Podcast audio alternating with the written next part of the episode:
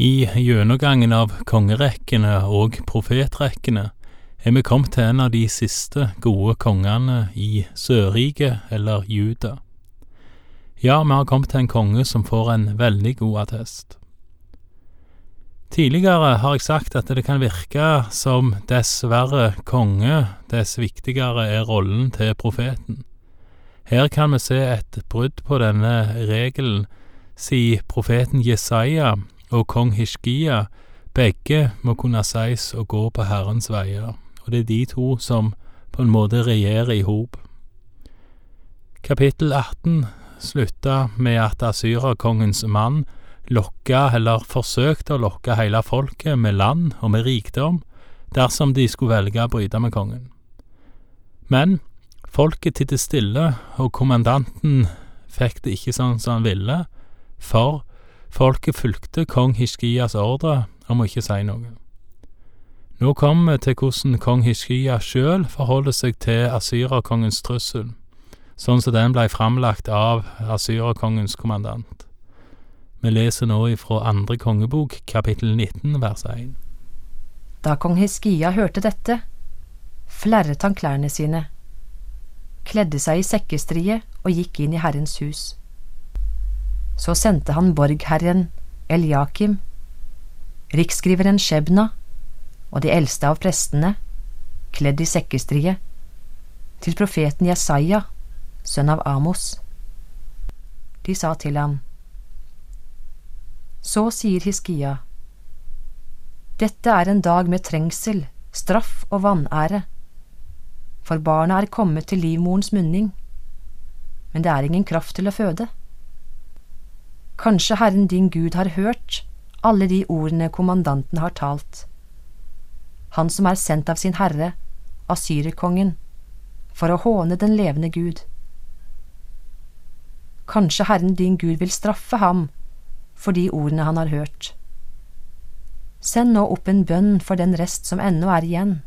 Her skiller kong Hishkia seg veldig ifra mange av de andre kongene som har blitt beskrevet, både de i Sørriket og i Nordriket før det da falt. Og her har òg vi noe å lære. Kongen, han sender bud på profeten Jesaja. Og nå er det vel ikke så mange profeter, eller rene profeter, å finne i våre dager.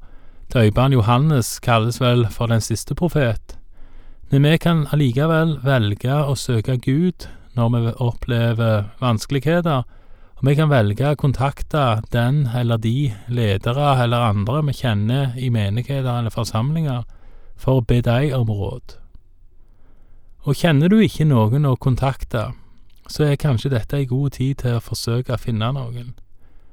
Noen som du sammen kan søke Gud med, som du sammen kan gå inn i Bibelen og be og lese og prøve å finne en måte ut av vanskelighetene.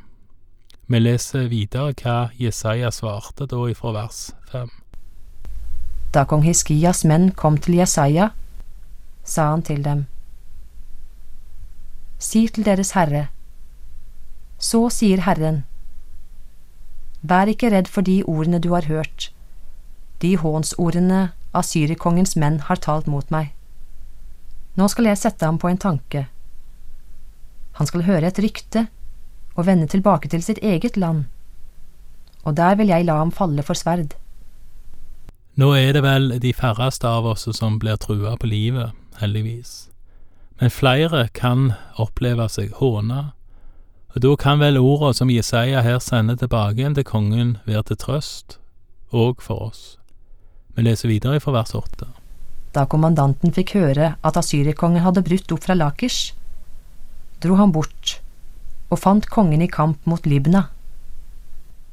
Kongen fikk nå melding om at Tirhaka, kongen i Kush, var dratt ut for å kjempe mot ham. Da sendte han igjen bud til Hiskia og sa, så skal dere si til judakongen Hiskia, La deg ikke lure av din Gud som du stoler på, når han sier, Jerusalem skal ikke falle i hendene på asyrerkongen. Du har selv hørt hva asyrerkongene har gjort med alle landene de har slått med bann og ødelagt, og du skulle bli berget. er de blitt berget av gudene sine? De folkene som mine fedre gjorde ende på, folkene i Gosan, Haran og Resef, eller innbyggerne fra Eden, som er i Telazar? Hvor er nå kongene i Hamat og Arpad, kongen i byen Sefarvayim og kongene i Hena og Iva?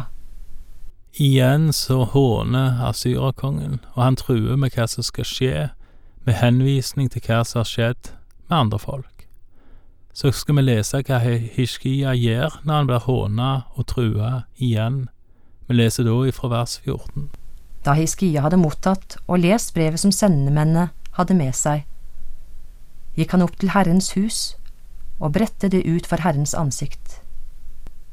Hiskia ba til Herren og sa, Herre Israels Gud, du som troner over kirubene, du alene er Gud over alle kongeriker på jorden, du som skapte himmelen og jorden. Herre, vend øret til og hør. Herre, lukk øynene opp og se. Hør de ordene som Sanherib har sendt for å håne den levende Gud. Herre, det er sant at asyrikongene har lagt land og folkeslag øde. De har kastet gudene deres på ilden. For de er ikke guder, men et verk av menneskehender, laget av tre og stein. De har ødelagt dem. Men nå, Herre vår Gud, frels oss fra Hans hånd, så alle riker på jorden kan forstå at du alene, Herre, er Gud. Kong Hishkia legger det bokstavelig talt fram for Gud, det som er hans problem. Der står at han bretter brevet ut for Herrens ansikt i tempelet. Og skal vi tro historien som fortelles her i andre kongebok, kapittel 19, så hører Gud, og Gud han sender profeten Jesaja igjen for å fortelle kong Hishkia hva som er Guds ord. Vi leser videre fra vers 20. Da sendte Jesaja, sønn av Amos, dette budet til Hiskia. Så sier Herren Israels Gud. Jeg har hørt den bønnen du ba til meg om Sanherib, kongen av Assur.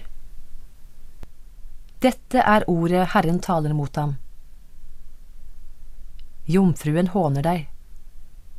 Datter Sion spotter deg. Datter Jerusalem rister på hodet. Hvem er det du krenker og vanærer? Hvem roper du opp imot?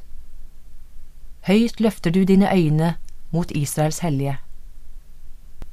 Du lot dine sendemenn spotte Herren, og sa, Med mine mange vogner dro jeg opp til de høyeste fjell, til Libanons fjerneste trakter. Der hogg jeg ned høyvokste sedertrær og de fineste sypresser.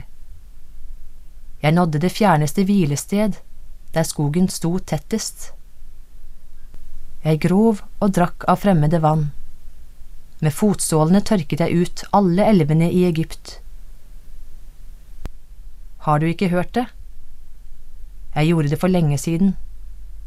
Jeg formet det i eldgammel tid, og nå lar jeg det skje så kunne du ødelegge festningsbyer og gjøre dem til ruinhauger.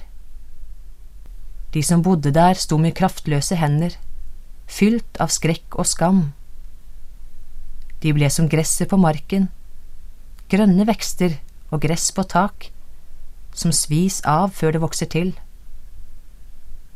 Om du sitter, kommer eller går, vet jeg det, og om du raser mot meg men fordi du raser mot meg, og ditt overmot har nådd mine ører, setter jeg ring i nesen på deg og legger bissel i munnen på deg.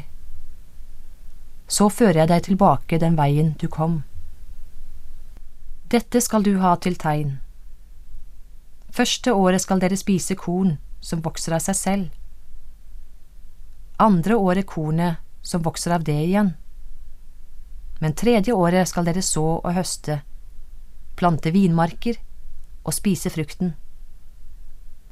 Den rest av Judas hus som blir berget, skal igjen skyte dype røtter, greinene skal bære frukt.